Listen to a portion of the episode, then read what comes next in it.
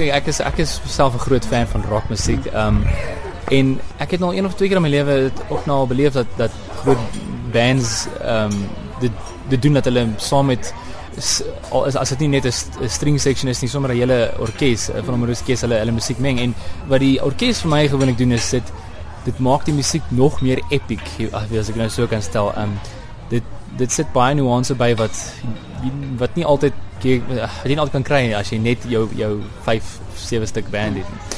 Ek dink wat die die, die filharmoniese orkes gaan doen is net soos dit soveel groter maak as wat dit al reeds is, jy weet en en meer Eh, emosie ook gee en so aan en weet en ook vir baie dele van die musical weet uh, eh, underscore ook gee. So dit is die or orkes en die, en die band gaan mekaar so um ondersteun en uh weet mekaar se steunpilare wees om seker te maak dat die die regte emosies en uh jy weet die vibes na vore kan kom. So uh, dit is definitief iets om te, te sien. Dit is altyd altyd epic om 'n uh, om 'n rockband saam met 'n orkes te sien. Dit is iets om definitief te beleef. Goed, so waaroor gaan Rockville 2069? Soos ek verstaan is dit 'n liefdesverhaal? Soos 'n meeste musical. Ehm um, nee, daar ja, daar is daar is definitief 'n liefdesverhaal ehm um, in die storie waarom dit gebaseer is, maar ek dink die groter boodskap is ook eintlik uh, een van van ons aarde om ons aarde op te pas. Wat op eintlik neerkom is die plot van dit is ehm um, dit speel in die toekoms af mm -hmm. en dit is dis nou is, is Rockville 2069. So Dis so 100 jaar van 1969 wat 'n eeufees is van Woodstock en dit is nou basically waar die um musical begin. Die storie begin en dis nou en en net soos daar waar dit begin is dit nou basies waar die wêreld nou tot 'n einde kom. Mm -hmm. So dis nou hierdie die rockers en die hippies en die sound technicians as hulle nou noem wat nou in hierdie area in enigste oorleefbare area in, in die wêreld oorbly wat nou dit hulle noem dit nou Rockville. So dis nou dis nou Rockville en So en hulle en daar het hulle nou 'n manier gekry om 'n force field te bou om hulle te beskerm teen die res van die wêreld. Maar in die in die outskirts in die in die wastelands, wie staan jy weet, is daar nou die techno remnants.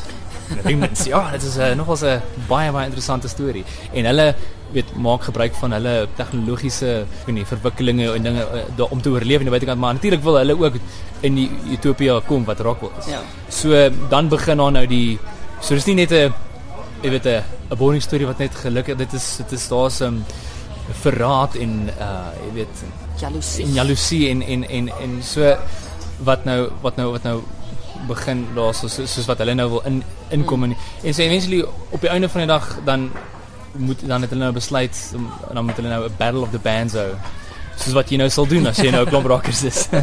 So dan sal basically 'n battle of the bands tussen die jy weet die musikante en die techno remnants van buite ja. om te kyk wie kan die want op die wat die wat die force field nou onderhou is hulle moet elke dag teen skemer moet hulle 'n song speel want die klankgolwe resoneer om nou die field in gang te hou. Dit so is ja. Ja en daar's baie soos ek sê daar's baie denkprosesse in, ingesit om om hierdie om hierdie storie interessant en tog relevant te hou jy weet. So nou so op die einde van die dag nou battle of the bands om te kyk wie gaan nou wie gaan nou hierdie uh, Utopia nou onderhou. Nou waar pas jy in? Waar kom jou karakter in? My karakter is Johnny Reb. Ek neem nou net aan Reb is vir Rebel want hy is 'n rocker. so hy um Johnny Reb is hy's maar jy weet 'n ouetjie wat nou in moeilike omstandighede groot geword het en maar hy's nou in die wêreld soos wat hy was tot op daai oomblik wat nou die einde van die wêreld was. Dit was hy 'n rocker 'n rockstar gewees. Jy weet soos hy hy was hy was 'n big deal. Jy weet en tot dit nou alles daai ingekom het so en hy sy sy manier van dink is meer van is nie van peaceful protest nie. Hy weet want die die groot concern is obviously ehm um, weet klimaatsveranderinge en en en mense se se nalatigheid en wat die wêreld laat vergaan. Nee, wat hy wil 'n punt bewys. Mm, mm. En wat wat wat teenstrydig is van sy love interest in die storie, wat natuurlik nou Danielle is wat 'n hippie is. Sy sy en sy is meer van peace and love en ehm um, weet los dit op met met 'n op 'n vredesame manier en daai ding. So die hooftemas is basically liefde en kyk na jou wêreld want jy weet nie hoe lank het jy hom nog. En ehm um, jy weet begin begin aktief iets daaraan doen. So dit is maar die hooftemas van die verhaal. Tegnologie speel 'n ongelooflike belangrike rol in die produksie. Ek dink daar is 3D animasie en daar's 'n LED skerm en alles. Dis reg, ja. ja, dit is ook iets wat ek oor baie opgewonde is. Ek dink hierdie is een van die musicals wat tegnologies definitief een van die grootste breakthroughs gemaak in ons land wat aanbetref daar hulle praat van 'n 100 vierkante meter LED LED skerm. Oh. Ja. Ek ek begryp nie hoe so groot dit is. So dis nogal dit maak seker daai hele agterkant van die teater vol. Ek meen dis 'n groot teater en dan um, dit gaan baie meer die die prentjies want da, as jy 'n storie volg eh, dan gaan jy dan sê agterkom daar's baie ehm um, daar's baie om te vertel met beeld, beeldmateriaal. So daar's nou natuurlik 3D animasies wat nou op die skerm gaan verskyn om om die Rockville wêreld beter te ehm um, tentoon te stel.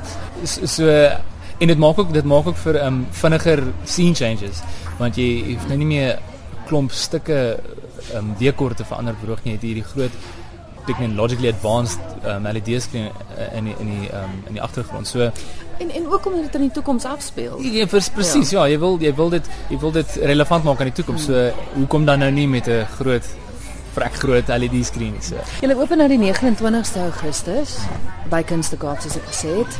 As jy luisteraars hmm, rede moet gee hoekom hulle juis na die produksie moet gaan kyk, wat sou dit wees? Dis so dis definitief een van die opwindendste goed wat met musiekteater dink ek gebeur het in die afgelope hele paar jaar wat jy weet.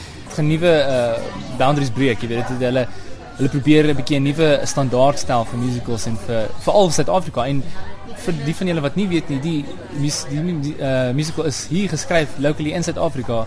En uh ek het baie kritiek genoem ook dat dit dit is definitief een van die bestes wat wat al voorgesit is uit Suid-Afrika so Ja, maar die ding is ons is so gewoond daaraan om musiekspele te kry van oorsee yes, af ja. wat wat hier met Suid-Afrikaanse ja. akteurs gedoen word, yes. maar nog steeds dit bly stories van mm. so dis lekker om te weet van begin tot einde is hierdie 'n Suid-Afrikaanse produk. Ja, nee, um, dit is dit is ek dink dit is dis iets om te ondersteun is dat dit dat dit dat dit 'n uh, leuke produk is. Dit is 'n produk van Suid-Afrika en iets om op trots te wees dink ek want die ontsettend baie moeite en professionaliteit wat daarin gaan. Dit is 'n uh, regtig 'n mylpaal vir vir Suid-Afrikaanse produksies. So ek dink om daardie rede alleen is al is al klaar genoeg om te gaan sien wat kan ons bied vir die wêreld want dit is definitief 'n produksie wat kan kompeteer wêreld en op internasionale vlak. So die musiek is dis is nie dis vars, dit is alles oorspronklik geskryf vir die musiek vir die musical en van dit wat ek nou al weet gehoor het die die uh, arrangements en wat hulle opgeneem het met die CD dit is regtig dis dis mooi musiek dit is